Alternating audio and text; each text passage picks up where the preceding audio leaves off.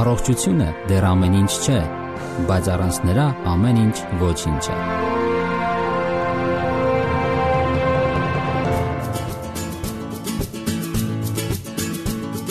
Բարև ձեզ սիրելի ռադիո լսողներ։ Եթերում առողջ ապրելակերպ հաղորդաշարն է։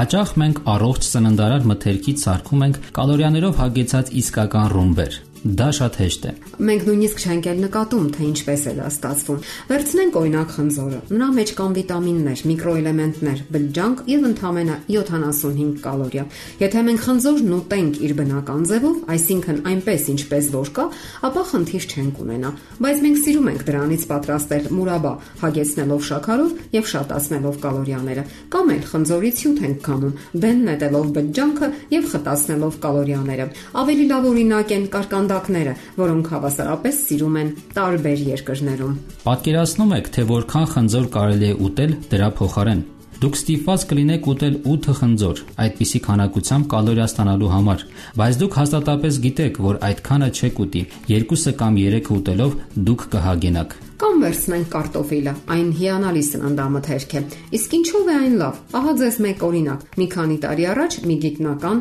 գիտական փորձ կատարեց։ Ամբողջ տարի սնվեց միայն կարտոֆիլով, եւ պատկերացրեք, նա մնացել էր բավականին առողջ եւ շատ եռանդուն։ Մոտ 230 գրամ քաշով խոշոր կարտոֆիլը պարունակում է մոտավորապես 140 կալորիա, բայց ով կուտի կարտոֆիլը առանց տարբեր հավելումների, ահա թե ինչպես ենք մենք սովորաբար փորձում այն համեղ դարձնել։ Եվ սա միայն մեծ սարսափեկորի փոքր գագաթիկն է։ Թարմ բանջարեղենով սալաթի վրա առատորեն բուսական յուղ, մայոնեզ ենք ավելացնում։ Մրգերի մեծ մասը օգտագործվում է հյութեր, կարկանդակներ պատրաստելու համար, կամ էլ պահածոյացվում է մեծ քանակությամբ շաքար պարունակվող օշարակում։ Եթե մենք թարմ բանջարեղենից ինչ-որ բան ենք պատրաստում, ապա անպայման յուղ կամ սոուս ավելացնելով 2-3 անգամ մեծացնում են կալորիականությունը։ Արդյոք գիտենք, թե ինչ է ներկայացնում իրենից մայոնեզը,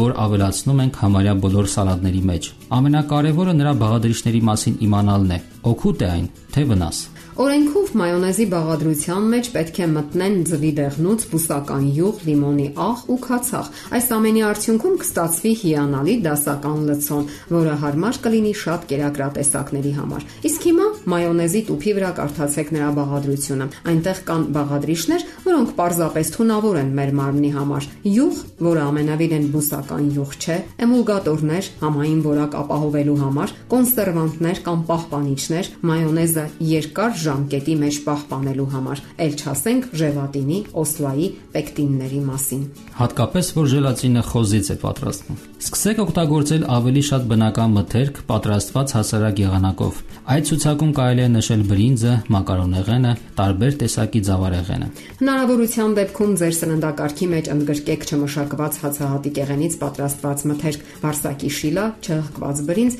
ինչպես նաև խոշոր աղացած ալյուրից պատրաստված հաց։ Առաջարկում ենք նաև թարմ բանջարեղենի բոլոր տեսակները։ Հիանալի մթերքներ են կարտոֆիլը, գազարը, ինչպես նաև լոբազգիները՝ լոբի, ոլոր, ոսպ։ Չմոռանաք մրգերի մասին։ Հնարավորության դեպքում կերեք թարմ մրգեր իրենց բնական ձևով, առանց շաքար ավելացնելու։ Անհամեմատ ավելի օգտակար է օրինակ 1 տանձ ուտելը, քան 1 բաժակ տանձի հյութ խմելը։ Այն պարունակում է ավելի շատ օգտակար նյութեր եւ բջջանք։ Դուք կհագենաք եւ ավելի քիչ կալորիաներ կստանաք։ Բնական վիճակում գտնվող մրգերը պարունակում են շատ բջջանք եւ քիչ կալորիաներ։ Մեկ ընդմիշտ հրաժարվեք կալորիաներով հագեցած ռումբերից կամ գոնե մի որոշ ժամանակով։ Դրա փոխարեն դուք կարող եք ավելի շատ բնական մթերք ուտել, հագենալ եւ միևնույն ժամանակ պակասեցնել ձեր քաշը։ Անգլիացի Թոմաս Պարը 14-ից 15-րդ դարերում ապրել է 152 տարի։ Արքայազն Չարլզը իմանալով այդ մասին նրան հրավիրում է պալատ, որպիսի իմանա թե ինչպես է դա նրան հաջողվել։ Պարը պատմում է արքայազնին, որ ուտում է հիմնականում կարտոֆիլ, մրգեր եւ վարսակ։ Ընթունելությունից հետո նրա պատվին այսպես կոչված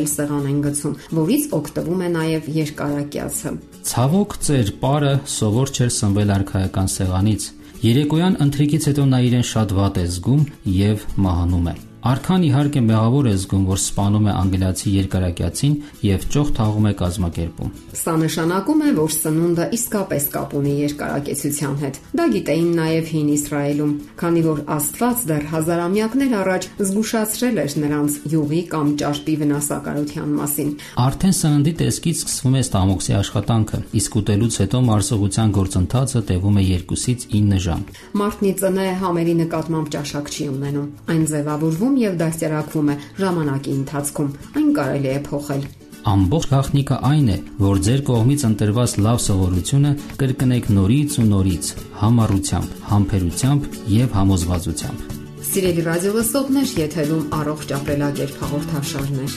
Ձեզ հետ են Գեղեցիկ Մարտիրոսյանը եւ Զավեն Գաբրելյանը։